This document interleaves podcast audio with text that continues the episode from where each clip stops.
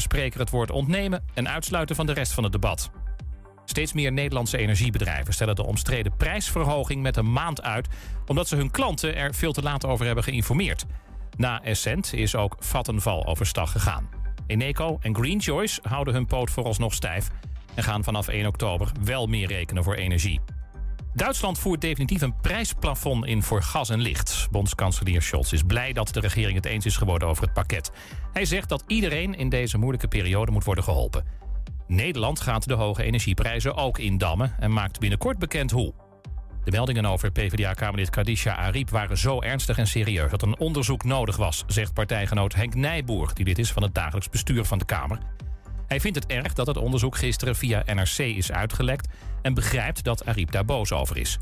Ze kunnen nog wel samenwerken, zegt Nijboer. En dan nu het weer van Weer Online. Zon en stapelwolken, in de kustprovincies een enkele bui mogelijk. Temperatuur rond de 14 graden. Morgen droog en zonnig en een graad of 16. En tot zover het ANP-nieuws. Thema beveiliging staat voor betrokkenheid, adequate optreden en betrouwbaarheid. Waar de concurrent stopt, gaat thema beveiliging net een stap verder.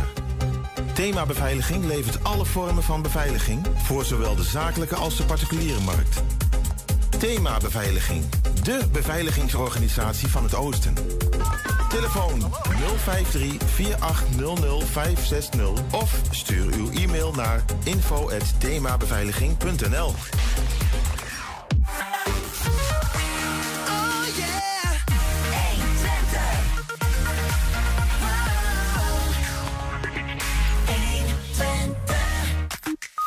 Huisarts Marinka Hamstra legt uit wat er aan de hand is met de nachtelijke spoedpost in ziekenhuis ZGT Hengelo en de mogelijke sluiting ervan. Ja, Jeroen van der Lely stopte in mei 2020 vervroegd als profvoetballer omdat hij klaar was met het spelletje. Hoe gaat het nu met hem? De bekende oplichter, de Tinder Swindler, sloeg toe via een ING-rekening in Nederland. Had de bank dat volgens de rechter kunnen voorkomen? Advocaat Niek Huibers die legt het uit. En je vader is terug met de Twents kwartierken en ze heeft iemand meegenomen die alles weet over levende taal. Het is donderdag 29 september. Dit is 120 vandaag. 120. 120 vandaag. We beginnen met een onderwerp waar eh, we het al vaak over hebben gehad. En ook nog zullen hebben, ben ik bang. En dat is uh, armoede. Steeds meer gezinnen in Nederland raken in de problemen door gestegen kosten van het leven. De voedselbanken in Nederland hebben daarom de drempel voor een voedselpakket verlaagd. Um, maar de vraag is, komt de Voedselbank zelf eigenlijk de winter nog wel door? We gaan het over hebben met Ruud Gardebroek. Hij is voorzitter van Voedselbank Enschede Haaksbergen. Ruud, welkom. Dankjewel. De laatste keer dat je hier aan tafel zat uh, was nou ja, ergens uh, midden 2020. Net uh, in het begin van de coronatijd. Ja. Ja. Um, corona is hopelijk grotendeels weg. Niet meer wat het toen was. Um, maar we hebben er wel een ander probleem voor in de plek gekregen. Hè? Misschien wel een veel groter probleem. Ja. Hoe, hoezeer is de wereld veranderd, zie jij, in bij de voedselbank? Nou, we hebben een, een, aantal maanden gedacht... waar blijven de cliënten die wij verwachten? Uh, maar ze komen nu.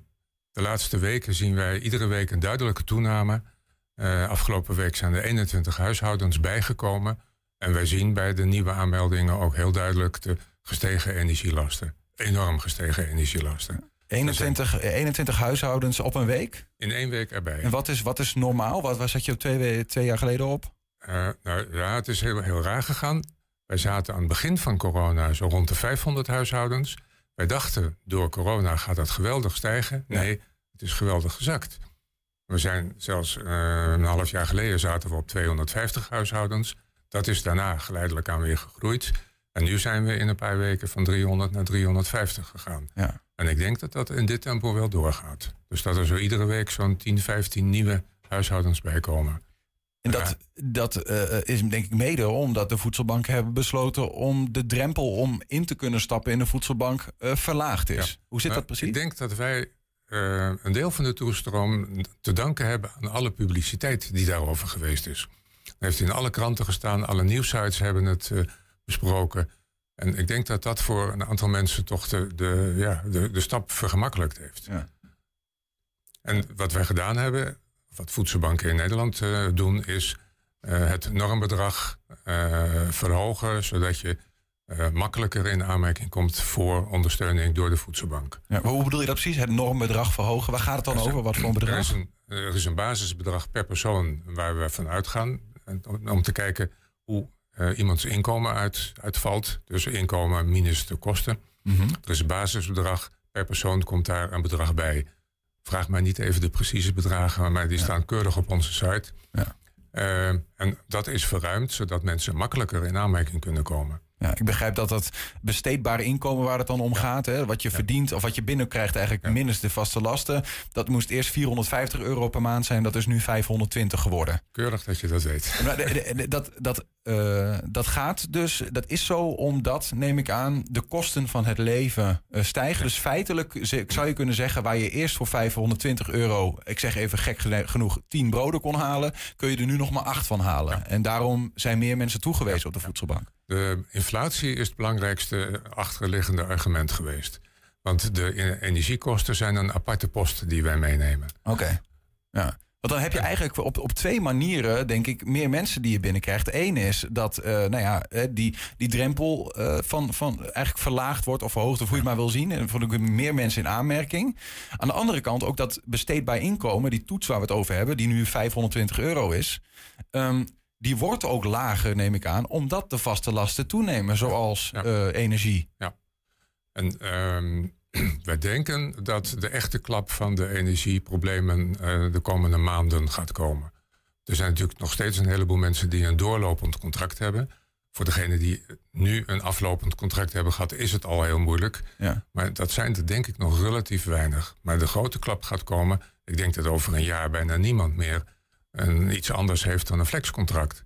En dan ben je dus puur afhankelijk iedere maand van de schommelende energieprijzen. Ja, ik geloof wel dat eh, het kabinet eh, daar ook wel weer een stokje voor wil steken. Hè? Om de energieleveranciers Ja. te dwingen om daar eh, om misschien meerjarencontracten weer aan Ja. te nemen.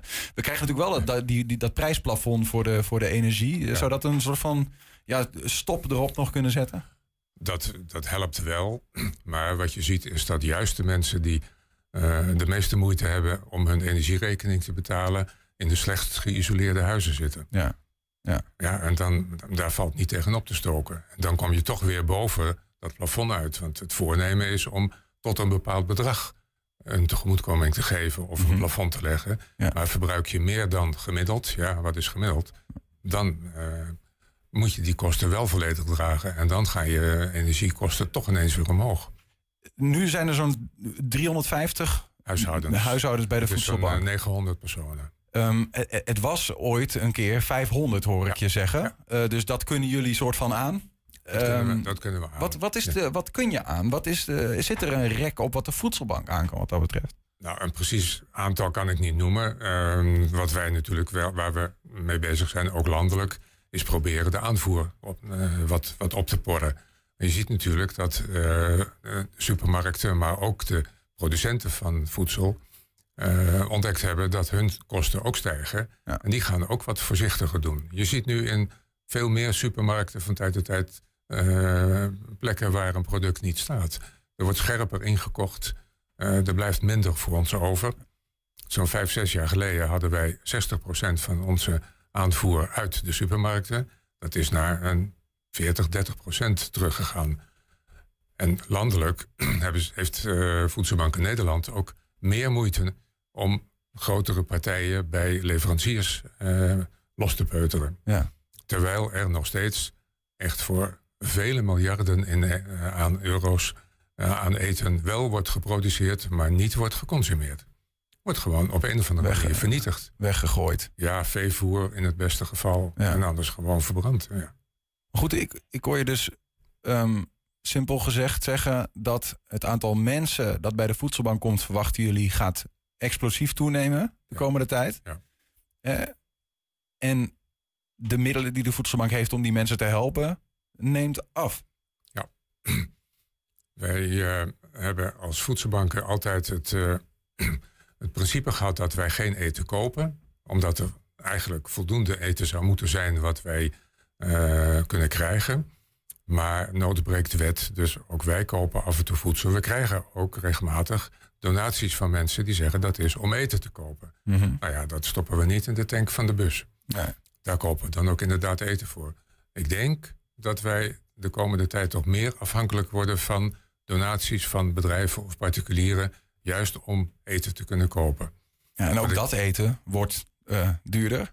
Dat wordt ook Eh, duurder. plus jullie hebben zelf, neem ik aan, Ja. ja, ook eh, energielasten die stijgen. Ja. En dat moet ook betaald worden. Nou, we hebben gelukkig eh, vorig jaar, anderhalf jaar geleden, hebben wij 104 zonnepanelen op het dak gelegd. Ehm, dat scheelt al twee derde van ons stroomverbruik. Ja. En we hebben wel verwarming in de hal. Maar die verwarming is vooral om het vorstvrij te houden. Ja, ja lekker, lekker warm is het nooit bij Mensen ons, hebben behalve midden in de zomer. Een extra sjaaltje om, de medewerkers. ja. Hoe zit het daarmee eigenlijk? Eh, ja, is, is dat nog een beetje te doen? Want je hebt denk ik ook meer handen nodig als er meer klanten zijn. Ja. Ja, wij merken eh, het effect van de, de latere pensioenleeftijd. Mensen komen later op de vrijwilligersmarkt, om het zo maar eens te zeggen. Ja. Omdat je toch drie, vier, vijf jaar later met pensioen gaat. Dus je fysieke mogelijkheden zijn ook wat, eh, wat minder. We hebben toch meer moeite dan vroeger om vrijwilligers te krijgen. Vroeger hadden we een wachtlijst van vrijwilligers. Maar dat hebben we al in geen jaren meer. In principe, iemand die zich aanmeldt, die kan bij ons beginnen. En daar zijn we, ja, daar zijn we ook van afhankelijk. Het wringt aan alle kanten, Ruud. Maar we gaan het redden. Ja? Ja, tuurlijk gaan we het redden. Hoezo ben je zo verzekerd? Het moet gewoon. Klaar, dan moeten we, moeten we toch maar een beetje harder lopen. Ja. Heb je het gevoel dat het genoeg wordt gezien in de samenleving? Dat, dat, dat uiteindelijk ja, de mensen bij jullie, dat het het laatste checkpoint soms is. En dat jullie dus ja, die aanvoer nodig hebben, ook van sponsoren en zo. Ja, wij, Voedselbank in Nederland heeft eh, ons laat, laten weten. Er is een onderzoek gedaan naar eh, goede doelen, hoe ze eh, in de markt lagen, hoe mensen daarnaar keken. En daar staan de voedselbanken op de zesde plaats. Nou, dat is een fantastische plaats. Ja, dat is een goede plek. Ja, fantastisch. Wat helpt is dat bij voedselbanken alleen maar vrijwilligers werken. Ook het eh, landelijk bestuur, ook het kantoor in eh, Houten. Mhm. Alleen maar vrijwilligers. Eh, niemand wordt bij de voedselbank betaald. En dat geeft ook een heleboel goodwill. Ehm, ja, is er een scenario denkbaar waarin de voedselbank een gezin dat komt nee moet verkopen? Of hoe, wat is eigenlijk het plan als, als dat scenario in beeld komt? Als wij meer eh, cliënten krijgen dan, eh, dus, dan, dan voedsel, dan zullen we dat het, ja, de schaarste eerlijk moeten verdelen. Ja, dus dan worden de worden pakketten gewoon kleiner. Maar de pakketten kleiner. We hebben nu regelmatig toch hele mooie pakketten. En met name de aanvoer van eh, verse groenten en fruit. Die is de laatste jaren toch duidelijk toegenomen. Ik ben- doe dit nu zeven jaar en dat is ongelooflijk toegenomen. Hoe komt dat? Waar komt dat vandaan? Nou, toch betere, betere werving. Eh, in de zomer krijgen we in ieder geval van de moestuinen. eh, krijgen we wat, ze daar, eh, wat daar groeit en wat mensen niet zelf kunnen opeten. Oase levert ons iedere week. De Viermarken levert ons. Nou, dat is echt een goede groente. Vaak komt het ook uit de supermarkten. Maar Voedselbank in Nederland heeft ook de groente- en fruitbrigade. Dat is een aparte club die alle grote producenten langs gaat, de veilingen langs gaat. Dus in principe worden er geen groenten meer doorgedraaid. Die komen wij dan halen en die worden over het land verspreid. Ja, op zich mooi toch? Liever dat je de groente te veel hebt en de fruit... dan dat Ja. het eh, om de producten gaat waar mensen over het algemeen minder gezond van worden. We hebben de laatste weken ons uiterste best moeten doen om alle tomaten die we kregen aan onze klanten mee te geven. Mooi. Ja, ehm, eh, misschien dan tot slot nog even. eh, is er een. Eh, ja, weet je, is, is, is er iets wat eh, lokale politiek, eh, misschien het, eh, het lokale ondernemersleven, wat, wat, wat, wat we met z'n allen kunnen doen om de voedselbank en dus de mensen die bij jullie komen te helpen? Lokale politiek werkt zo fantastisch mee. We hebben alle steun van de gemeente. Als we wat willen, wat nodig hebben. We zijn nu met de gemeente samen en de kledingbank en nog een aantal eh, armoedepartners, zoals dat heet, aan het kijken of we niet samen in één gebouw kunnen gaan zitten. Dat de toegang voor iedereen makkelijker wordt. Ja. Eh, ja, het bedrijfsleven kan natuurlijk altijd helpen. Een, eh, een check hier Maar en dat daar is hebben ze- altijd welkom. hebben ze ook gedaan, want de zonnepanelen die wij op het dak hebben liggen, die zijn voor een groot gedeelte gesponsord. En ja, en een gesponsord zonnepaneel, dat is vanaf de eerste dag rendabel. Ja, precies. Het gaat goed komen, hoor ik. Ja, ja, we hebben van de zonnepanelen nu twee derde van ons gigantische energieverbruik afgedekt. Kijk, dat scheelt al een hele slok op een borrel. blijft nog steeds eh, iets van 20.000 kilowattuur over per Ja, jaar. ja. Er is nog wat nodig. En Ja, eh, als je kunt zeker. helpen, kijk eens even hoe je Ruud Goudebroek en zijn mensen... en vooral de mensen die zij dan weer helpen, eh, kan helpen. Ruud, dankjewel voor, je, voor, voor je verhaal, voor de uitleg. En um, nou ja, heel veel succes en sterkte de komende tijd bij de Voedselbank Enschede-Haangsberg. Dankjewel. Ja, en bij 2020 stopte hij als profvoetballer op 24-jarige leeftijd. Jeroen van der Lely was de passie voor het spelletje verloren en koos voor een nieuwe carrière in de schoolbanken. Zometeen hoor je hoe het met hem gaat. En ook zijn we als podcast luisteren via alle bekende platforms. Je vindt daar hele uitzendingen en elke dag één item uitgelicht. 120. 120 vandaag. Vanaf volgend jaar juli gaat de spoedpost in ziekenhuis ZGT in Hengelo s'nachts mogelijk dicht. De reden, de huisartsen die de post bemensen krijgen de roosters niet meer rond. We hebben het over de huisartsen die zich drie jaar geleden verplicht voelden... om de taken van de gesloten spoedeisende hulp van ZGT Hengelo over te nemen. Huisarts Marinka Hamstra die is bij ons via Zoom. Marinka, goedemiddag. Goedemiddag, dankjewel voor de uitnodiging. Graag gedaan. Misschien goed om dat even uh, te kaderen. Wat, voor, uh, wat, wat is het soort zorg precies waar we het nu over hebben? Die s'nachts, ja, waarvan jullie zeggen van ja, mogelijk kunnen we dat niet meer leveren. Ja, ik denk inderdaad hè, dat het goed is om even te kijken waar, waar hebben we het precies over. Um, wat we gaan onderzoeken, en ik wil ook benadrukken hè, we gaan dat we het nog gaan onderzoeken, um, is om te kijken of we s'nachts met minder huisartsen in Twente de huisartsen spoedzorg kunnen leveren. En dat zou dan betekenen dat je die spoedzorg gaat leveren vanaf twee locaties. In dit geval Almelo en Enschede. Um, en dat gaat dan om de mensen die nu s'nachts naar de, huisarts, hè, de huisartsenspoedpost in Hengelo komen en daar een consult krijgen. Oké, en waarvoor zou ik naar de huisartsenspoedpost in Hengelo komen s'nachts? Nou ja, voor zaken die, hè, die, niet, die, die, niet kunnen wachten tot de volgende dag, totdat je eigen huisarts er weer is. Mm -hmm. um, en als je dan kijkt, als ik dan naar mijn laatste nachtdiensten kijk, aan wat voor dingen moet je, hè, aan wat voor dingen moet je dan denken? Um, nou, er zijn mensen die, uh, won die wonden oplopen, die gehecht moeten worden. Um, we zien uh, uh, kleine kinderen met koorts, hè, waar zorgen om zijn. mensen met buikpijn, ja, mensen met een bloedneus. Dat soort dingen moet je aan denken. Ja, ja. En dat, dat, dat zijn dingen waarvan je zegt van ja, ik ga niet uh, de hele nacht uh, uh, wachten en dan s ochtends naar de huisarts of de huisartsenpost toe. Um, in hoeverre, ik begrijp dat dus in 2018 geloof ik, lag die taak nog bij het ZGT zelf, bij het ziekenhuis. En jullie hebben dat overgenomen. Ja, dat, dat is een wijd, wijd um, bestaand misverstand. Um, ik ben zelf huisarts in Hengelo sinds 2015. En eerder deden wij hè, de huisartsen post was aan de overkant. Hè? Dat, weten de, dat weten de meeste mensen nog wel. Spoedpost Hengelo heette dat toen. Ja. Um, en wij zijn naar een andere locatie gegaan, maar we zijn geen andere zorg gaan leveren. Het is gewoon puur de zorg die door de huisarts op een huisartsenpost, hè, dus huisartsenspoedzorg wat op een huisartsenpost geleverd wordt, wat ja. wij nu momenteel ook doen okay. op de spoedpost die gesituationeerd is in ZGT Hengelo. Ja, ja maar dit gaat dus. geen taken uit die eerder op de spoedeisende hulp uitgevoerd werden. Maar dat is wel interessant, want, eh, want eh, er is inderdaad een beeld dat de ontwikkeling dat jullie die taak overnamen komt, omdat ZGT op een gegeven moment een bezuiniging heeft doorgevoerd en ze heeft gezegd: hey, we gaan deze eh, tak van ja, spoedzorg. Af, ja, kunnen we afstoten. Die gaan we in Enschede en Hengelo, Almelo positioneren. En dat jullie zeiden als huisartsen, nou dan vullen wij dat gat in. Maar dat is dus niet per se zo. Nee, nee wij, wij verlenen dezelfde zorg als wat we daarvoor ook deden via de huisartsenpost die aan de overkant van de weg zat. Ja. Ehm, ja, misschien eh, toe naar het, het waarom. Eh, waarom hebben jullie dan nu, want blijkbaar doe je dat eigenlijk altijd al. En komt er nu een, ja, een moment dat jullie zeggen, mogelijk moeten we dit stoppen. Ja, nou, dat is denk ik ook de belangrijkste vraag hè, die hieronder ligt. En ik snap dat het waarom best wel uit de lucht komt vallen. Hè, als je denkt van, goh, hè, wat gebeurt er nu allemaal? Ehm, ik denk dat belangrijk is het kader. Hè. Er is al heel lang in Twente een huisartsentekort. Ja. En dat proberen we op alle manieren op te vangen. Er zijn ook allerlei eh, werkgroepen, stuurgroepen, ook vanuit de politiek voor gestart. Van goh, hoe kun je meer huisartsen naar Twente halen? Maar we zien dat we met steeds minder huisartsen dezelfde zorg moeten leveren. En de Twentse huisartsen hebben samen gezegd: Nou, wij willen sowieso hè, ehm, dat er voor iedere Twentenaar overdag een huisarts beschikbaar is. Hè? Iedereen een huisarts. Ehm, dat is helaas al niet zo in Twente, hè, zoals jullie ook weten. Ja. Maar dat komt steeds verder onder druk te staan.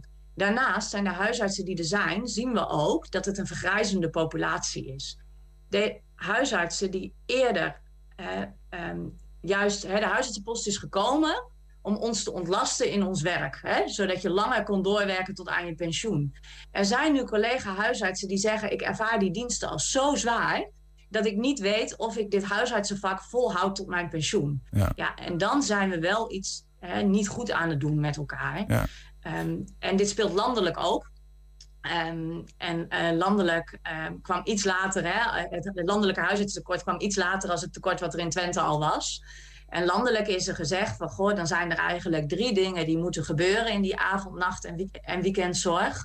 Dat is, ehm, het is belangrijk dat alleen de dingen gezien worden die niet kunnen wachten tot de volgende dag.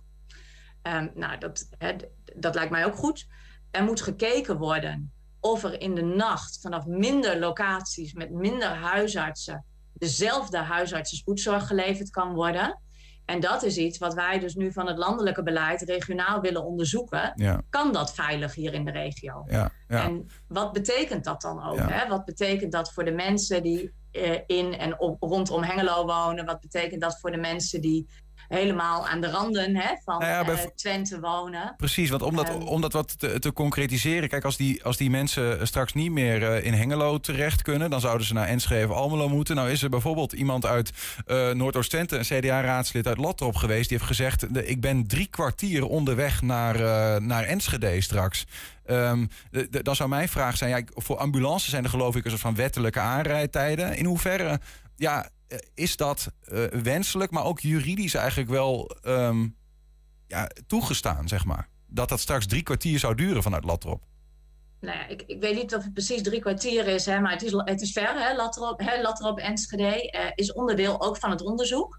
Ehm, er zijn geen wettelijke normen, maar er zijn wel branchenormen. Mhm. Hè, waarvan gezegd wordt van goh, ehm, en die branchenorm die houdt in dat 90% van je populatie moet binnen 30 minuten bij, met de auto bij een huisartsenspoedpost kunnen zijn. Ja, ja. Ja, En dat is dus ook onderdeel van, de, eh, van deze, dit onderzoek, denk ik, wat jullie aan het doen zijn. Om te kijken van wat is, wat is het gevolg van als de Hengelo opgedoekt wordt. En wat eh, ja, halen we die, eh, die toets dan nog? Ja, Ja. Het eh, andere eh, fenomeen wat natuurlijk dan optreedt, is dat mensen die, nou ja, eh, dat gewoon simpel gezegd Enschede en Almelo het drukker krijgen. Want mensen komen die normaal naar Hengelo gingen, gingen nu naar Enschede, of, gaan nu naar Enschede en Almelo. Ehm, gaan die dan niet overspoeld worden met, met werk, waar jullie eigenlijk ook last van hebben in Hengelo? ja. Nou, ook dat zal onderdeel zijn hè, van het onderzoek, maar Ja. om vast toch een klein beetje een beeld te geven. Ehm, de werkdruk die komt niet door wat we in de nacht doen, maar door de gevolgen van de nacht. Per eh huisartsen spoedpost in Enschede, Almelo en Hengelo hebben we een vergelijkbaar beeld. Zien we ongeveer door de week acht mensen op de spoedpost en zien we er eh, s s'nachts zien we er dertien. Ehm, als dat verdeeld zou moeten worden, hè, de, de patiënten die nu in Hengelo komen over de andere spoedposten, dan denken wij dat de huisarts die daar zit dat prima aan kan. 13 gemiddeld per nacht bedoel je dan, geloof ik, hè? Sorry, wat zei je? 13 gemiddeld per nacht. Of in, in een hele week. weekend en acht gemiddeld per nacht door de week. Oké, ja, precies. Ja, ja. Eh, en ja, dan, dan- moet je kijken hè, op welke tijdstippen komen, die me- hè, komen de meeste mensen dan. En, maar dat is gewoon echt onderdeel van een onderzoek. Hè. Ja. En welke mensen zouden dan richting Almelo moeten, welke mensen zouden richting Enschede moeten. Ja, daar heb ik de antwoorden gewoon niet op. Hè. Dat is gewoon onderdeel van wat je wil onderzoeken. Ehm, reden waarom we hier nu toch mee naar buiten gekomen zijn, ondanks dat er nog zoveel onzekerheid is, is wel, ja, we hebben pijnlijke keuzes te maken in de zorg. Want de huisartsenzorg is niet oneindig. We hebben gewoon echt een tekort aan mensen. En we moeten ons wel realiseren dat de huisarts die s'nachts werkt, kan de volgende dag niet in zijn eigen praktijk werken. Ehm, en ervaart de andere dagen dat hij die week wel in zijn eigen praktijk is, extra drukte, Ja, ehm, omdat die dag uitgevallen is. ja, ja. Ja, dus je, Dus eigenlijk... geen keuze uit luxe. Nee, nee precies. En, maar het is, het is wel een soort van een manier om te kijken hoe kunnen we de, eh, een, een, een, een nacht waarin je relatief, zeg maar, nou ja, niet superveel patiënten hebt, misschien dat bij, in Enschede onderbrengen, zodat het wat voor hun een nacht wat efficiënter wordt en jullie handen vrij krijgen om je overdagwerk te doen. Zeker. En uiteraard zullen de huisartsen die nu dienst doen in Hengelo dan ook dienst gaan doen in Enschede en in Almelo. Ja. Dus dat je voor de hele regio overdag meer huisartsen beschikbaar krijgt. Ehm, is ook goed om nog even te noemen. We hebben ook met ZGT gesproken uh, over, over deze, deze zaak. Hoewel jij dus zegt van ja, hun, hun rol in dit, uh, in dit verhaal is anders dan wat wordt aangenomen. Jullie zitten bij hen, maar nou ja, ze hebben niet die plicht zelf. Uh, zij zeggen, ze willen nu nog niet in de uitzending reageren omdat ze bang zijn dat het de discussie wat vertroebelt. Omdat ook mogelijk het beeld ontstaat dat de spoedzorg van huisartsen in de plaats is gekomen van spoedeisende hulp van het ziekenhuis. Hè, dus eigenlijk wat jij zelf net ook al zegt, dat dat niet zo is. Ze, ze, ze willen wel graag zeggen, samen met jullie kijken naar oplossingen. Wat zou je mogelijk zien als samenwerking dan? Ja, van jullie kant. We werken nu natuurlijk al heel veel samen. Hè? Weet je? En de zorg staat overal onder druk. Dus ook in de acute zorgketen, we kunnen niet zonder samenwerking. En dat is samenwerking met de ziekenhuizen, met de, spoed, hè, de spoedeisende hulpen van de ziekenhuizen, maar dat is ook samenwerking met de ambulance dienst. dus wij hebben hen ook op de hoogte gesteld dat we dit onderzoek gingen uitvoer, uitvoeren. Mm -hmm. En onderdeel daarvan is natuurlijk ook gewoon met de ketenpartners bespreken hoe zien jullie dit? En um, hoe gaan we dit, hè, hoe zorgen we dat, want dat is gewoon het uitgangspunt, dat iedereen die in Twente woont toegang heeft tot huisartsen spoedzorg in de avond, nacht en weekend. Hè, dus zorg die niet kan wachten tot je eigen huisarts de volgende dag weer is. Uh, en daarnaast ook zoveel, hè, zoveel mogelijk zorgen dat die huisarts overdag beschikbaar is voor de eigen patiënten. Ja, ja. Als je dit uh, zo gadeslaat, ik bedoel, je bent zelf huisarts, dan, dan weet je maar al te best hoe de druk voor je eigen praktijk is, hoe je, wat je om je heen ziet. Uh, een, een, eigenlijk een noodoplossing om, dingen efficiënter te maken uh, en naar Enschede Almelo te verhuizen en het daar efficiënter te krijgen, zodat je zelf meer handen vrij hebt. er komt een vergrijzing aan. Het aantal huisartsen in, in Twente wil nog niet echt vlotten. Um, mogelijk ga je in de toekomst dan ook in Enschede en Almelo de, de handschoen zien knellen, toch?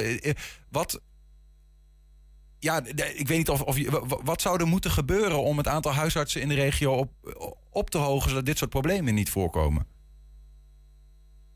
Ja, nou, het wringt hè, en het knijpt. En het liefste zou je zeggen van, goh, dat komt allemaal goed. Nou ja, dat, dat kan ik niet. In de spreekkamer ben ik altijd eerlijk. Hè, dus dat ben ik met deze boodschap ook. Um, wil je deze keuze graag maken? Nee, natuurlijk, liever niet. Maar we moeten wel zorgen met elkaar dat we die zorg overeind houden. Ja, hoe ga je dat oplossen? Hè? Um, de, hu de huisartsenopleiding van de uh, VU in Amsterdam heeft een dependance in Twente. Ja. Die hebben onlangs een tweede instroommoment uh, gerealiseerd. Um, waardoor je hoopt dat je meer lokaal hier huisartsen opleidt, waarvan we weten dat ook een heel deel van die huisartsen hier blijft. En daarnaast zijn we ook wel samen met de politiek, maar dat speelt echt al wel, dat speelt echt al wel langer. Zijn we ook aan het kijken hoe kun je de regio nou aantrekkelijk maken om je hier te vestigen. Ja, ja. Ja, het zal, het zal uh, omhoog moeten, maar ik snap dat het een uh, ingewikkelde opgave is. Al helemaal als het ook landelijk nu een probleem aan het worden is natuurlijk. Uh, dan wringt het aan alle kanten.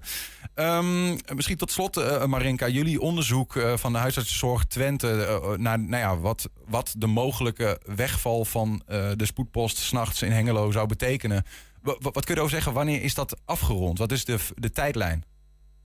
Ja, de, de verwachting is dat we daar in januari de resultaten van hebben.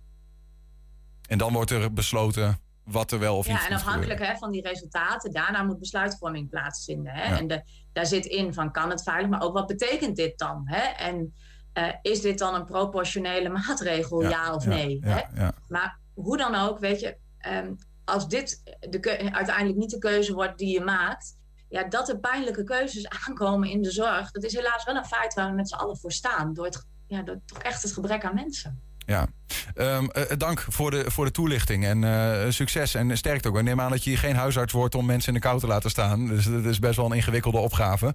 Um, uh, sterkte daar ook mee en met het, nou ja, het onderzoek en proberen om nou ja, zoveel mogelijk van jullie soort hier naar Twente toe te krijgen.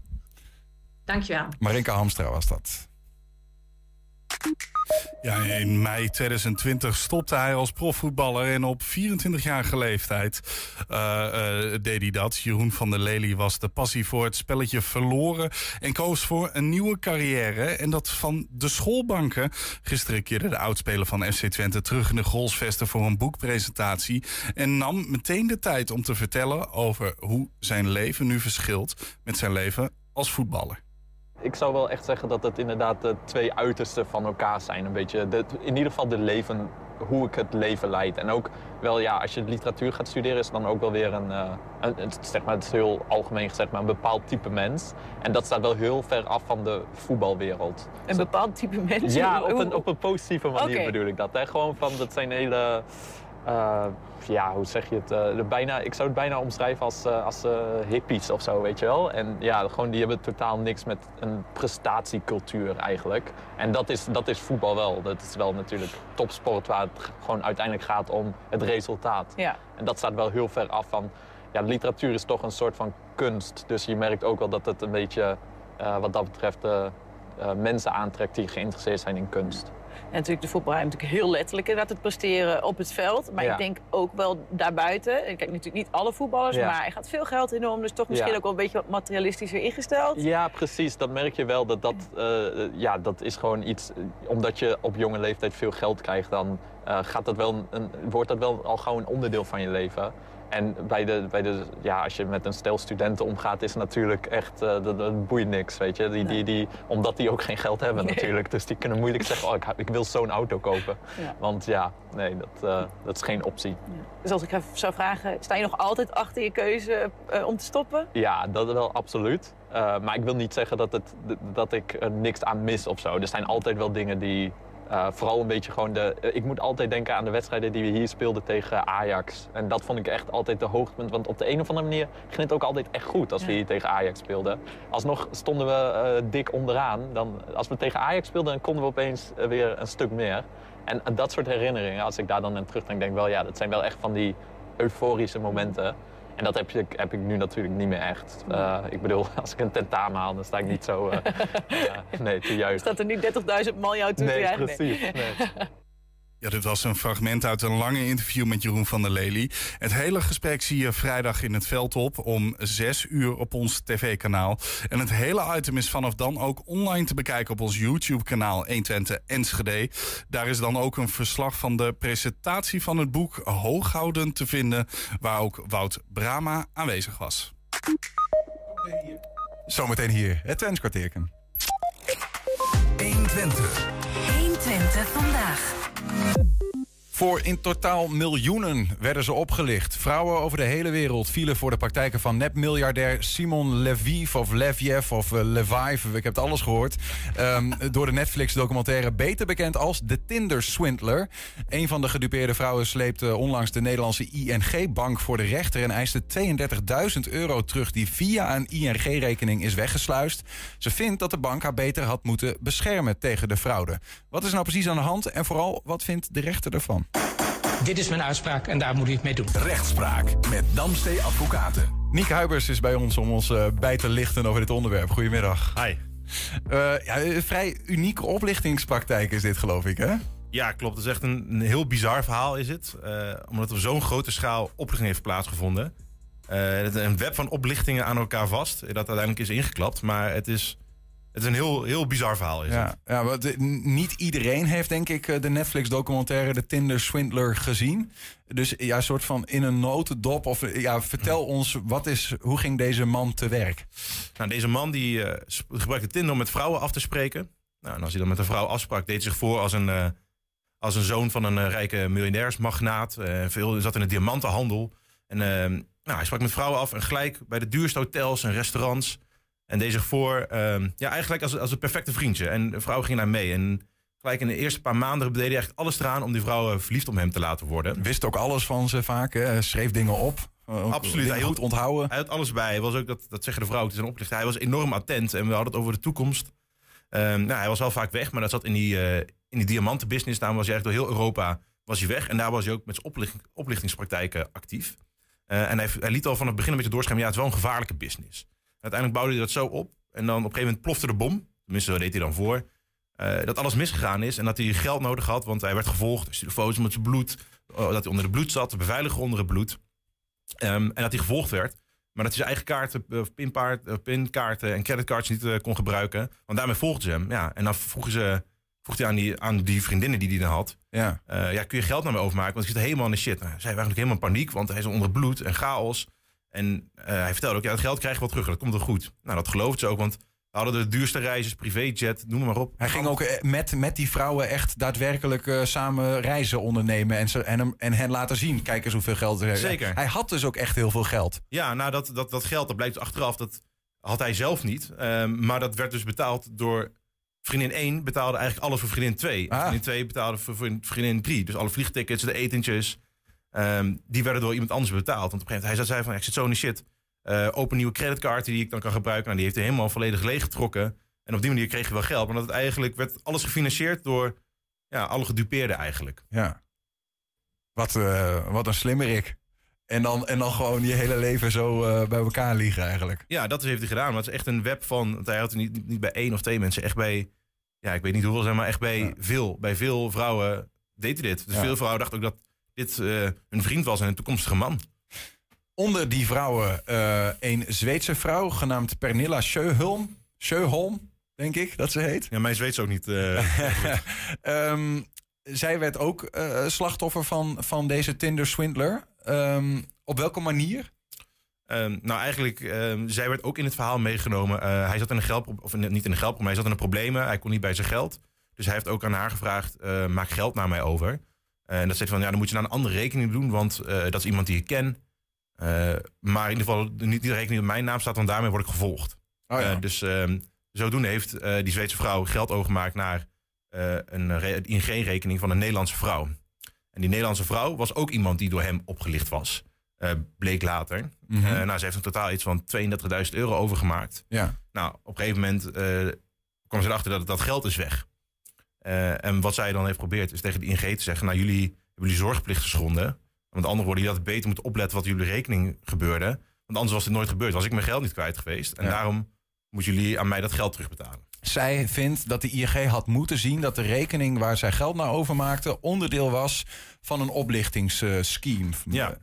Maar hoe had de ING dat dan uh, kunnen weten? Want ja, dat was gewoon een rekening van een andere slachtoffer. Ja, dat, wat, wat voor verdachte praktijken zouden daar dan mee uh, gezien moeten zijn? Ja, daarom is het uh, even goed om te kijken, om een beetje naar de tijdlijns te kijken. Um, in, januari, of in de zomer van 2018 had de, de vrouw van de Nederlandse rekening die had, probeert, uh, die had een, een cheque aangeboden, die hij ook via die oplichter had gekregen. Uh, bij de ING, maar ja, die was niet doorgekomen omdat die vals was. Dus toen zijn er bij de, bij de ING een paar bellen afgegaan. Bij de fraudeafdeling van wat is, wat is hier gebeurd? Sorry, dus die, die, die, um, die vrouw van die Nederlandse ING-rekening... die uh, kreeg een cheque van de Tinder-swindler... en die, die, die zij op haar eigen rekening kon zetten. Ja, precies. Want dat is ook in het kader van je krijgt nog geld... van dan kunnen we samen een huis kopen. Ja. Um, maar ja, die cheque was vals, dus die kwam niet door. En toen heeft die fraudeafdeling van ING heeft ook contact gezocht met die vrouw. En ja, uitvoerig ondervraagd, nou, waar komt die check vandaan? Want het is natuurlijk heel erg ongebruikelijk dat zoiets is. En dat doorgevraagd. En toen hebben zij eigenlijk constateerd, nou, waarschijnlijk ben je opgelicht. Um, uh, doe aangifte, want we horen wel meer van dit soort verhalen. Dus ja, uh, je moet wat ondernemen, want dit gaat volgens mij niet helemaal goed. Um, nou, dat, daar heeft de ING, dat hebben ze bij gelaten. Ze wisten dat die vrouw dus was opgelicht. Um, maar niet dat die rekening ook werd gebruikt voor verdere oplichtingspraktijken. Ja. Nou, dan een paar maanden verder maakt die Zweedse vrouw maakt geld over naar die, uh, naar die ING-rekening. Nou, dan schrijven we weer een paar maanden verder, zijn we inmiddels 2019.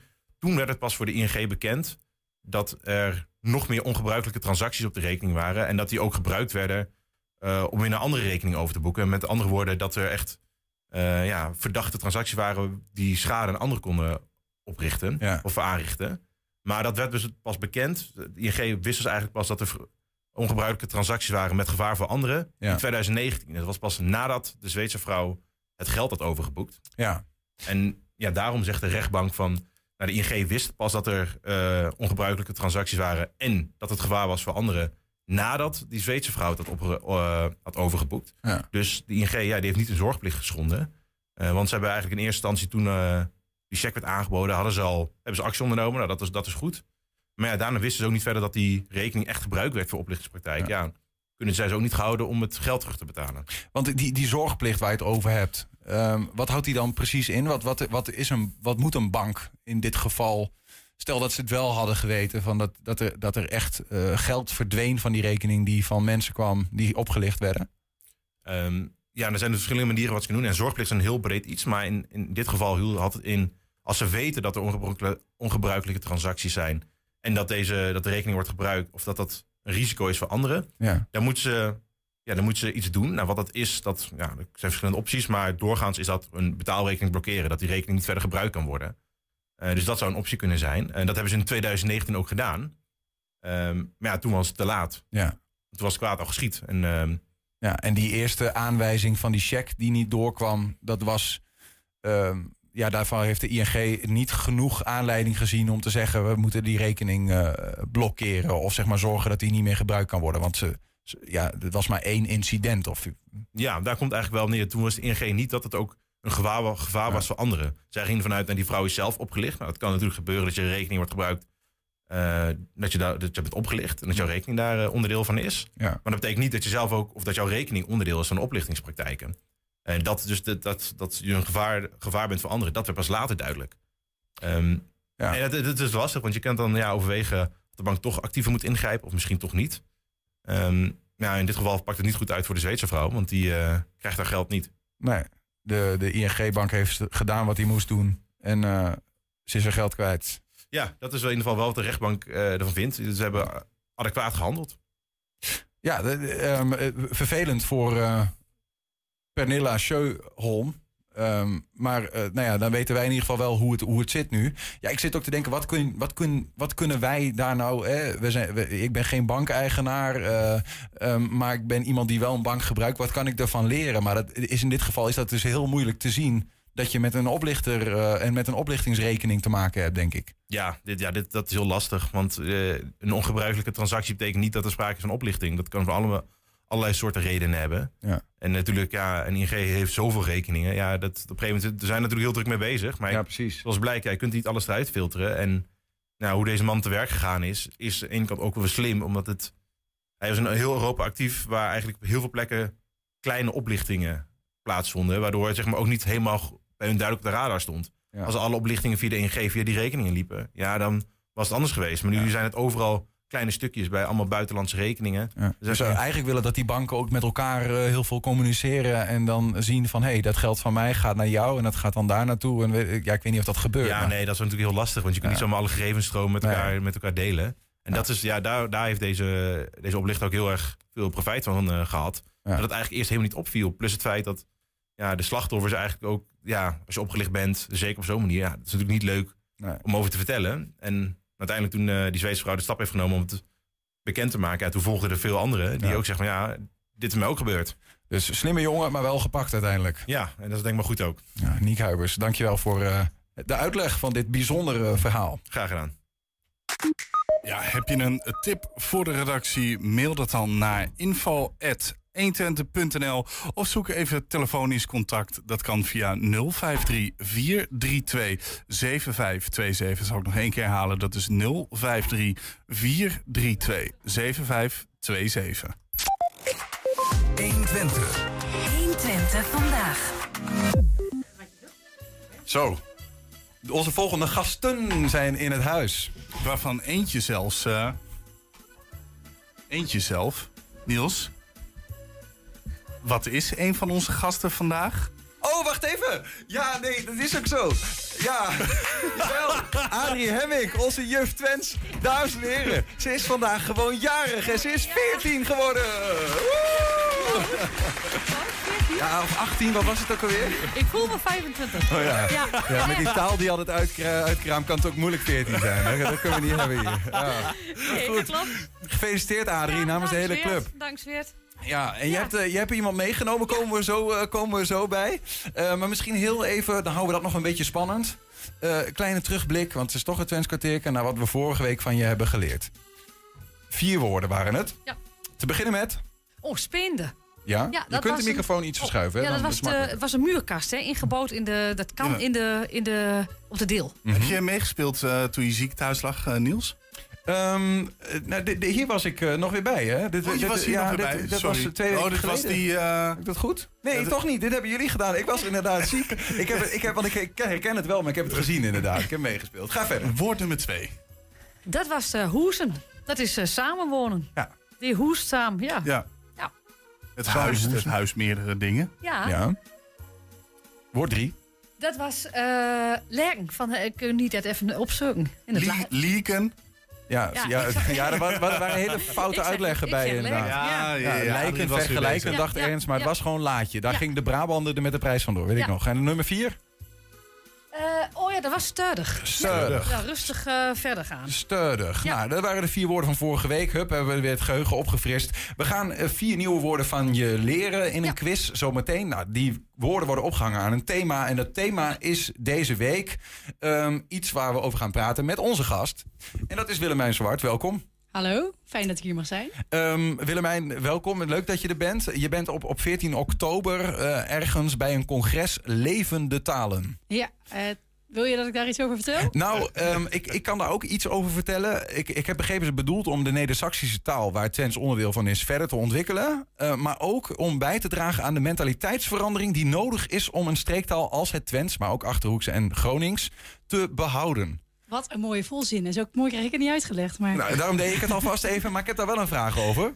Uh, jij bent voorzitter van uh, Levende Talen? Was. Nee, was, voorzitter. Ja, sorry. en dan eigenlijk ook alleen maar van de sectie Neder-Saxisch. Dus oh, okay. Levende Talen is een hele koepel voor iedereen die lesgeeft in een taal, van Nederlands tot Chinees. Ja. En daarbinnen heb je allemaal hè, de vakgroep Nederlands en de vakgroep Chinees. En dus ook de vakgroep Neder-Saxisch. En die heb ik ooit opgericht. En inmiddels is uh, Arja Hemming van het Huis van het Tal in Drenthe de nieuwe, ja. de nieuwe voorzitter. Oké, okay, ja. Maar goed, jij onderschrijft wel dus dat er een mentaliteitsverandering nodig is om het Twents te behouden. Uh, uh, ik denk wel dat in het onderwijs daar zeker een mentaliteitsverandering nodig is. Ja. ja er zijn er twee vragen. Eén is wat betekent dat precies, zo'n mentaliteitsverandering? En twee is waarom? Waarom zouden we eigenlijk het Twents überhaupt moeten behouden? Ja, dat, dat woord leg je me een beetje in de mond. Maar oh. wat ik, uh, wat ik, wat ik die dag ook ga betogen, is dat het niet zo heel goed werkt om vanuit Den Haag eenheidsworst in het onderwijs op te leggen aan alle regio's en alle gebieden. Dus ik vind eigenlijk niet dat Den Haag moet voorschrijven hoe het taalonderwijs er in Nederland uit moet zien. Mm -hmm. ik denk dat regio's daar heel goed maatwerk in kunnen leveren. En daar heb je met streektaal heel mooie voorbeelden van. Met in Friesland uh, tweetalige scholen waar uh, Fries en Engels en Nederlands gezamenlijk aangeboden wordt. Omdat het Fries eigenlijk al heel dicht bij het Engels ligt.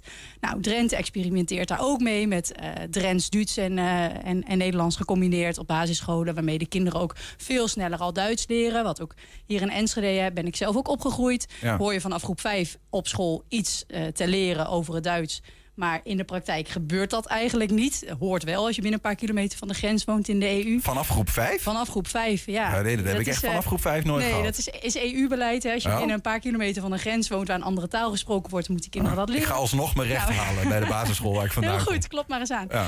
En... Um, nou ja, dat zou denk ik hier ook heel goed zijn als je dat uh, voor het Twents doet of voor het Neder-Saxisch. Terwijl dat dus in de praktijk uh, op dit moment uh, daar best een discussie over is. Dus wie gaat er over het curriculum van scholen? En uh, de mentaliteitsveranderingen, dat vroeg je mij, die zitten ja. wat mij betreft dus vooral in dat je uh, je als leraar of als teamleraar verantwoordelijk voelt voor het onderwijs bij jou op school. Ja. En dat past bij jouw doelgroep. Ja. En als dat in een wijk is met veel mensen die thuis papiaments praten, kun je daar misschien iets mee. En als dat hier in een dorp is waar eigenlijk thuis nog heel veel uh, Twents klinkt, nou gebruik dat dan, omdat kinderen uiteindelijk ook beter scoren in Nederlands als ze hun thuistaal Twents fatsoenlijk spreken. En dat is gelijk het antwoord op vraag 2. Ja, precies. Nee, ja, maar ik, ik heb me overtuigd, want het gaat dus echt om het microniveau. Ik zat wel te denken, als je in Twente dat zou gaan uitrollen. Uh, ja, ik ben, ik ben echt een Enschedeer. En hier kom je het eigenlijk niet meer, niet meer tegen. Dus ja, als je mij zou vragen. Ik heb toevallig aan de Pabo gestudeerd. Ja, de kinderen gaan naar school om uiteindelijk na hun schooltijd het leven goed te redden. Ja, hier heb je Twents niet nodig. Uh, uh, nou ja, dat is, dat is een aanname. Hè? Dus ik weet niet welke, welke basisschool in Enschede heb je gezeten? Hier vlakbij, Anna van Buren Oh ja, ja, maar dan heb je ook gelijk al een hele nette school met heel veel leerlingen die naar HAVO-VWO mogen. En die inderdaad in een omgeving komen waarin het standaard Nederlands of beter nog hè, uh, internationaal Engels heel goed van pas komt. Mm -hmm. Tegelijkertijd als je hier uitstroomt met bijvoorbeeld een VMBO-B of een VMBO-K-niveau uit de basisschool. Dat zijn er bij de Anna van Buren niet zoveel, maar er zijn genoeg wijken in Enschede waar dat wel dominante uitstroomprofiel is. Want Enschede is gemiddeld best wel laag opgeleid. Ja. Uh, zo is de populatie nu eenmaal naar de textielindustrie. Dan kom je in sectoren terecht als de bouw of in de zorg of uh, in de logistiek. En als je hier de gemiddelde vrachtwagenchauffeur spreekt of heftruckrijder of in de bouwmaterialenhandel, dan krijg je echt veel meer gedaan als je gewoon de volkstaal. Ja. En dat is hier het Twents spreekt. Ja. Ja, nou ja, goed. En tweetaligheid, inderdaad, wat jij zegt, zorgt natuurlijk ook voor dat je weer betere andere talen oppikt. Dus wat dat ja. betreft. Um, uh, jij gaat op dat congres, uh, ga jij in debat, hè? Ja. Dit ga jij betogen. Ja. Dan zit er iemand tegenover jou. Die gaat het tegenovergestelde beweren. Wat, is de, wat is hun, uh, hun standpunt? Hun standpunt is, uh, het onderwijs in Nederland zit muurvast. Het is nou uiteindelijk is nodig dat de Tweede Kamer een besluit neemt en gewoon uitrolt. Zo gaan we het met z'n allen doen. Mhm. En dan kijken we met z'n allen naar Finland. En Finland heeft ook een heel goed onderwijssysteem. Um, maar in Finland en ook bijvoorbeeld in Frankrijk ligt eigenlijk van dag tot dag vast wat elk kind van uh, groep 3 op maandagochtend uh, 7 januari. Dan krijgt iedereen uh, een bepaald gedicht van een bepaalde Franse dichter. Um, en dat is een onderwijsmodel, daar kun je voor kiezen. Maar persoonlijk geloof ik dat je dan in Nederland echt het kind met het badwater weggooit. Ja, ja. ja, ja. helder. helder. Um, misschien wat breder te kijken naar, naar dat congres. Want er, er wordt waarschijnlijk meer gedaan. Wie komen daar en wat is eigenlijk het doel van de dag? Want ik begrijp het thema is ver, vakvernieuwing kansen voor het talenonderwijs. Nou, je hebt al wat, wat kansen genoemd. Maak het... Uh, laat scholen op microniveau zelf bepalen wat voor talen ze geven? Ja, nou wat ik al zei, binnen levende talen horen talensecties van allerlei verschillende uh, talen. Dus ook het Pools, ook het Papiaments, ook het Fries, ook het Limburgs. Uh, de ochtend is plenair, dan is dat debat waar ik het net over had. Waarin ik dus ga betogen dat juist uh, vrijheid en ruimte voor scholen en leerkrachten belangrijk is. maar in de middag is een heel uitgebreid workshopprogramma met nou, ongeveer 80 verschillende workshops vanuit die verschillende secties. Mm -hmm. En er komen dus ook nou, ongeveer 800 leerkrachten uit het, uit uit het uh, basis- en middelbaar onderwijs en ook uit het MBO. Dat kunnen docenten zijn die Nederlands geven, maar eigenlijk meer met streektaal willen doen. Dus voor Neder-Saxisch of Limburgs komen. Het kunnen ook docenten Pools, docenten Engels, docenten Frans zijn. En in de middag uh, gaan die dus meer op sectieniveau, heet dat dan, bij elkaar zitten. Dus dan is er bijvoorbeeld een workshop. Wat kun je nou in het MBO doen met het uh, Nederlands taalonderwijs? Als je daar meer ruimte wil maken voor Twents. Um, en daar kunnen mensen zich voor inschrijven en aan deelnemen. En uh, op die manier hopen we docenten te professionaliseren. Ja. Want je kunt wel je bevoegdheid halen voor Pools of Chinees, ja. maar niet voor Neder-Saxisch. Dus dan moeten we maar zelf onderling regelen dat je een beetje een niveau hebt als je daarmee wil werken. Ja, ja alright. Dus er wordt van alle kanten naar dit uh, onderwerp gekeken wat dat betreft. Uh, de kant waar jij de, van waar jij ernaar kijkt, want je bent geen voorzitter meer, zei je, maar jij doet wel iets anders. Namelijk, je hebt een bedrijf waarmee je lespakketten maakt. Klopt. Um, nou moet ik een soort van uh, jouw onafhankelijkheid natuurlijk in deze uh, ja, betristen. Twijfel, ja. uh, want, want jij hebt natuurlijk wel belang bij dat er zoveel mogelijk verschillende talen op scholen dan worden gegeven.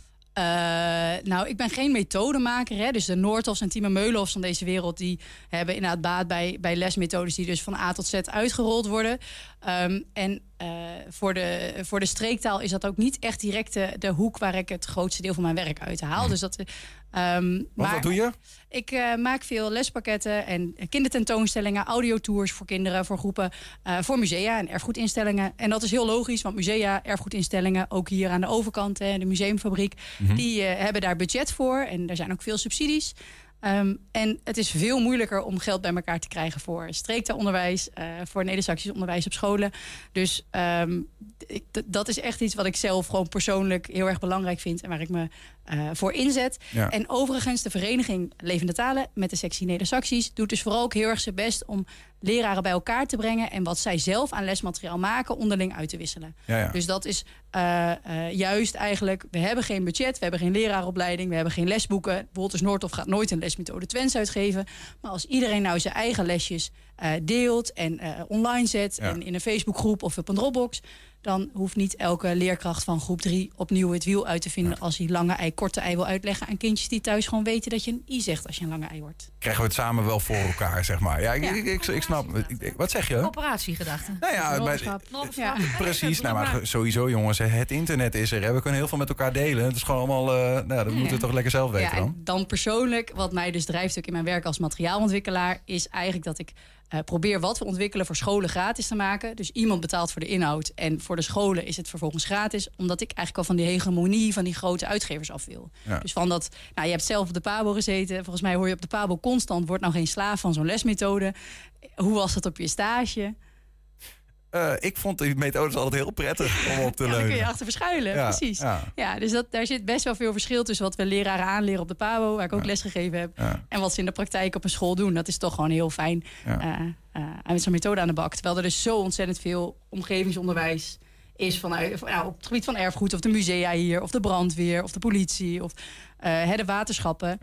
Er is meer dan alleen die grote methodes wat dat ja, betreft. En die methodes kosten klauwen met geld. Dus als je ja. de klasse kleiner wil hebben, kun je ook misschien een methode de deur uit doen. Zo, win, win, win. Ik hoor allemaal wins.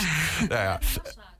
vraag. Dat is natuurlijk ook niet toegespitst op je omgeving. Dus het is heel moeilijk te visualiseren. Nou, ik denk dat, dat als je Wat is niet toegespitst op je omgeving? Nou, die, die grote lesprogramma's, dat, dat is natuurlijk een, een algemene deler, zoeken ze daar. Ja, ja, daar, kun je niet de herkenning vinden in je omgeving. Dus Ja. als jij wel lesmethodiek af kunt stemmen op dat wat jij ziet in jouw omgeving, of de taal of het erfgoed, dan kan jij als kind zijn dat veel beter visualiseren. Veel meer betekenisvol. Ja, dat, dat denk ik. Staat dichter bij de leefomgeving van zo'n. eh, van zo'n Dus vanuit het eigen, aandelen vanuit de eigen wijk, ja, vanuit de eigen wijk, de Ja. eigen, het eigen dorp is het veel makkelijker om als je hier, nou over WO2 bijvoorbeeld, als je hier eerst hier iets leert over wat hier aan bombardementen op Nijverdal is geweest bijvoorbeeld, ja, dan kun je daarna ook beter visualiseren wat er in Rotterdam ooit gebeurd is. In plaats van dat je telkens begint over iets dat heel ver weg van je staat en eigenlijk helemaal geen betekenis voor jouw eigen buurt of wijk heeft. Dus Ja, ik, werk graag van Maak het lokaler. Ja, ik begrijp het. Ehm, dankjewel voor die uitleg. En eh, eh, bij deze alvast eh, veel plezier voor de 14e. Maar blijf gerust even zitten, Willemijn. Nu je er toch bent. Ja. en tenminste, als je het leuk vindt, doe mee met onze nieuwe les. Eh, dat is een soort quiz. Adrie gaat ons eh, nou ja, drie, eigenlijk vier, maar drie woorden voorschotelen hier. Ehm, drie Twentse woorden. En telkens is er één Nederlandse betekenis goed. Nou ja, aan ons te beredeneren welke. Nou, ik verwacht heel veel van hoor. Van Willemijn ook, dus uh, ja. Het eerste woord, dat is aangang. Aangang. Aangang, ja. Mhm. Nou, het heeft natuurlijk te maken met het thema, hè. Ja. Is dat dat iets aanslaat? Ja. Dat zou kunnen. Of? Of is dat een toeloop? Toeloop van mensen. Hè? Komen er veel mensen op die, eh, op die dag? Dat zou Mhm. kunnen. Of is het C, is het een startmotor? Ja, aangaan. Het gaat aan. Ja. Startmotor ook gewoon. Startmotor. Ja. Nee, motor. Ja. We Oh. denken even een O op die plek. Dat maakt niet uit. Ehm ik- aangang. Aangang. Wat zou het zijn? Gank was, hebben we wel een keer eerder gehad. En dat was, ja, was dat niet iets van gevaarlijk of zo? Maar dat, dat, dat zie ik hier dan niet in terug. Het woordje gank zelf. Aangank. Ik, eh, ik, ik, het klinkt voor mij als een toeloop van mensen. Er is veel aangank. Veel, eh, maar Willemijn, eh, hoe is jouw eh Twents überhaupt? Ja, veel te belabberd. Vandaar dat ik geen voorzitter meer van die vereniging. Wat denk je? Nou, als het niet in deze context was, dan had ik die startmotor gedacht. Dus even de aangang aanswengelen of zo. dat klinkt wel, dat zou ik wel, maar dat zal het wel Ja. wezen. Dus ik denk eigenlijk ook wel de toeloop van mensen, ja. Ja. Julian? Ik eh, denk ook antwoord B. Nou, dan- Eh, dan vullen we gewoon in antwoord B. No questions asked. Vullen in antwoord B. Of met z'n allen de boot in, of niet. Adrie. Adrie. Nee, jullie gaan allemaal goed. Ja? Ja, ja, ja, ja. Je hebt de gaangoot in. De in. Dat betekent dat je de...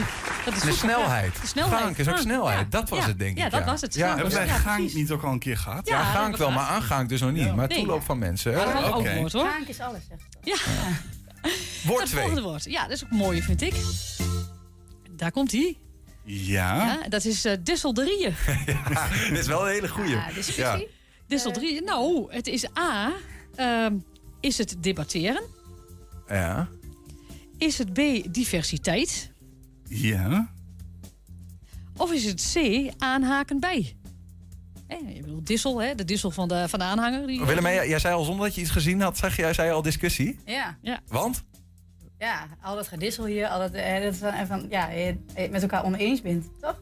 Een beetje, ja, dat Ja, denk Dan, ik. dan heb ik ik mijn zeg nog antwoord niks. al paraat. Dan is, Maar ik kan vertrouwen niet op mij. eh, ik, eh, ik, ik heb alle vertrouwen in Willemijn dat zij eh, debatteren bedoelt. Ja, ik moet zeggen, is- ik, ik weet dat mijn ouders hadden altijd een, eh, een, een vouwwagen. En dat was er ook iets van een dissel. Ja. Dat is toch ook een ding bij een auto? Ja, dat zeg ik. Dat is aanhanger. Die Maar- hang je aan. Bij, Ja, ja, ja. ja, precies. En die, die, die is Die natuurlijk... die dat, is, ah, dat is de dissel gaat op de, op de eh, trekhaak.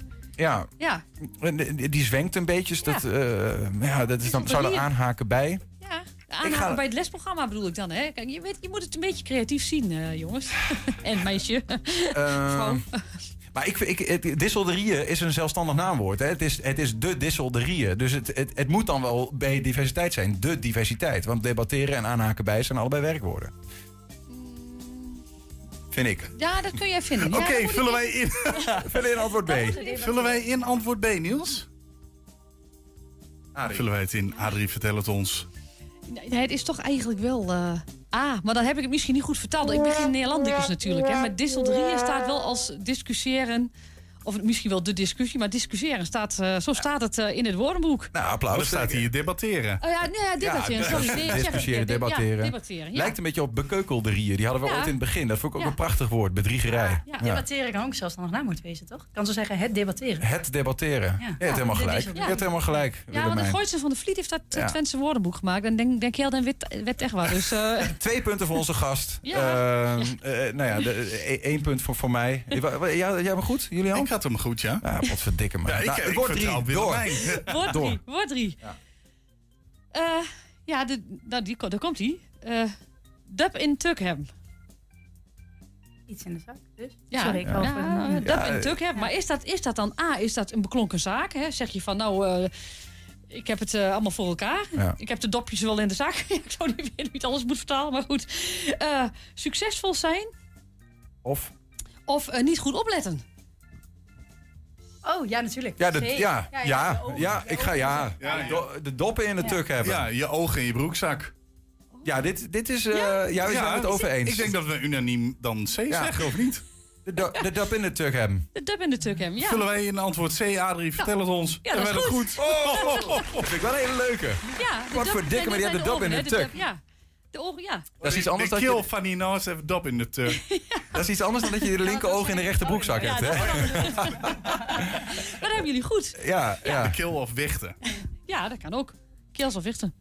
Ehm, Je kunt allebei wel hebben, hè, de, de dop in de tuk. Dus dat... eh, het gelijk opgaat, is niet zo erg. nee. ja, precies. Nou ja, goed, eh, de- eh, weten we dat ook weer? De doppen in de tuk, iets anders dan de linker oog in de rechter broekzak. Hè? Dus eh, dit is gewoon niet opletten. Ehm, we hebben nog één woord te gaan, Adrie. Maar daarvoor gaan we de straat op. En dat gaat eh, Bo aan de mensen voorleggen. Vandaag weer een nieuw Twents woord van de week. Met deze week het woord knoest. En betekent dat A. ruw, B. boos of C. vuist. Ik ben benieuwd wat de Enschedeërs denken. Denkt u te weten wat het woordje knoest betekent? Knoest? Knoest? Eh, ruw. Ruw? En waarom denkt u dat? Ja, knoest. Zit dat niet aan een boom, een knoest? Een knoest is iets van een boom. Boom? Nee, het is geen boom, het is een knoest in een boom. Wat het betekent? Boomstronk zo. eh. Ja, het is een van deze drie antwoorden wat op het bord staat. Ruw, boos of vuist? Dan is vuist. Vuist? Ja. Ik kan me daar niks bij voorstellen. Wat? Ja, denkt u vuist? Zoiets. Knoest. Ja, ik ben wel Twents, Ruw, maar boos of vuist? dat moet dan een eh, vuist zijn. Ja. Vuist? Vuist, en waarom? Ja, weet ik niet. Denkt u te weten wat het woordje knoest betekent? Een vuist. zeer, vuist. Bekvuist. Ja, dan doen we de vuist. Eh, ruw. Is dat ruw, Nee, boos knoest. of vuist? Knoest is, eh dat is een vuist. En waarom denk je dat? Ja, gewoon een knoest. Ja, ik dacht eerst aan een vuist, maar... Wat denk je? Ik denk A eigenlijk.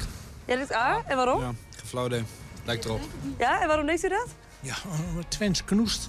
Met knoest op een bek ook. Bij knoest denk je dat dat zo vuist moeten zijn? Ja, dat andere past er niet echt bij, vind ik. Nee, boos vind je er bijvoorbeeld niet bij passen? Nee. Nee? Nee. En jij? Ik denk wel boos. Ja? Ja. En waarom denk je dat? Weet niet, ik denk gewoon knoest vind ik zo boos zo. Ik denk ook vuist. Vuist? Ja, Ik ga voor C. Ja, weet niet. Ja, als ik iets in mijn knoest heb, iets in mijn vuist heb. Dus, ja. Zou het wel vuist moeten Lijkt me het meest logisch. Vuist? En waarom? Denk ik. Het moet een vuist zijn. Ja, dat moet een vuist zijn. Ja, ik zou ook van vuist gaan dan. En waarom denk jij dat het een vuist is? Knoest, vuist, ja, lijkt op elkaar. Boos eh, lijkt me niet. Dat heb ik nog nooit gehoord. Ja, ik heb het sowieso nog nooit gehoord. oh, vuist kan het ook nog wel eens zijn. Ik denk, ik ga toch voor vuist. Voor vuist? Ja, want eh, knuis, knuist, eh, zoiets eh, doet mij denken. Of zo. Dus eerder denk ik aan vuist. Dat doen we eerder denk ik aan vuist toch nu, bij nader inzien. Ja. Dan denk je gelijk aan vuist. Ja, En jij? gewoon boos. Boos? Ja, En waarom denk jij boos? gewoon gok. Gewoon een gokje. Ja, eigenlijk wel een beetje. Oké. Ja. Ja. Het woordje knoest, dat kon zijn A. ruw, B. boos of C. vuist.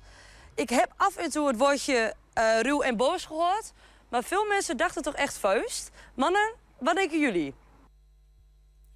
Wat denken wij? ik, het klinkt gewoon als knuist. Je zegt Ja, ook, mijn handen klinkt- maar knuisjes geworden. Ja, ik heb jou in mijn knuisten. En ik vond die man vond ik prachtig. Ja, Ja, mag met een knoes voor de bek houden. Ja. ja. ja, volgens mij, volgens, ik denk, ik zou dus ook dat antwoord kiezen. Willemijn, eh, daar ga je mee met dit? Ja. Ja, ik vind het zo mooi hoeveel mensen dan het wel gewoon echt weten, maar niet uitgelegd krijgen. Dat vond ik heel opvallend. Maar goed. Ja, gewoon, gewoon knoest, gewoon Ja, knoest. Het Ja, is je het dus vuist. ja, van, het is al, ja. Ja. Eh, vullen we allemaal in antwoord nummer... Oh, dan moet ik even kijken. Het is C was Antwoord het. C, ja. Maar Bo, jij gaat het ons vertellen. Ja, en het goede antwoord is toch echt C, vuist. Ik hoop dat je het goed had. Ja, kijk eens aan. Toch maar even weer de laatste allemaal Ja. met elkaar ingetikt. Oh, dit- heerlijk. Ehm, leuk. Ja, dank, ook leuk. dank voor een, eh, voor een nieuw Twents kwartier. En dank Willemijn Zwart voor het komen. En eh, succes, veel plezier. Vooral ook bij het Congres voor Levende Talen. Eh, aankomende eh, 14 oktober. Eh, succes met het debat. Maak je debatpartner in. Want je hebt een goed punt, vind Zonder ik. knuisten te gebruiken. Maar Ja, precies. Ja, ja, ja. Mooi, zonder de knoesten te gebruiken. ja. Misschien kunnen we er nog ingooien tijdens het debat om een stukje Wat Nederlands acties mee te brengen. daar, Precies, ja. Eh Adrie, ook dankjewel. En we- ga je nog Ja, wat leuks doen vanavond? Ga je nog ontzettend de linker oog in de rechter broekzak eh, Nee, werken? nee, nee. Ik De heb wel precies hoor. Ik krijg, ik krijg wel eh volken om de deur. Dus eh, ik, zit, ik zit waar. Ik zit vanavond weer in een cirkeltje kaasblokjes te eten en pretzels naar binnen te staan. En ontzettende sigaren te roken. Ja, dat denk ik ook wel. Veel plezier, Adrie. Joe. Mooie verjaardag nog. En daarmee sluiten wij ook 120 vandaag af. Terugkijken, dat kan direct via 120.nl. Vanavond om 8 en 10 zijn we ook op televisie te zien. Zometeen op de radio. Henk Ketting, de kettingreactie, wie kent het niet? Tot morgen.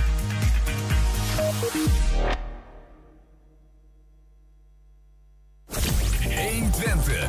Weet wat er speelt in Twente. Met nu het nieuws van 5 uur. Goedemiddag, ik ben Robert-Jan Knook. De Nederlandse vakantieganger is nog maanden de pineut... want Schiphol blijft stoelen schrappen voor passagiers. Tot maart moet ruim een vijfde van de plekken eruit om de drukte aan te kunnen. De luchthaven heeft onder meer een tekort aan beveiligers... en dat probleem is voorlopig niet opgelost. De Tweede Kamer is zoals verwacht akkoord gegaan met nieuwe fatsoensregels.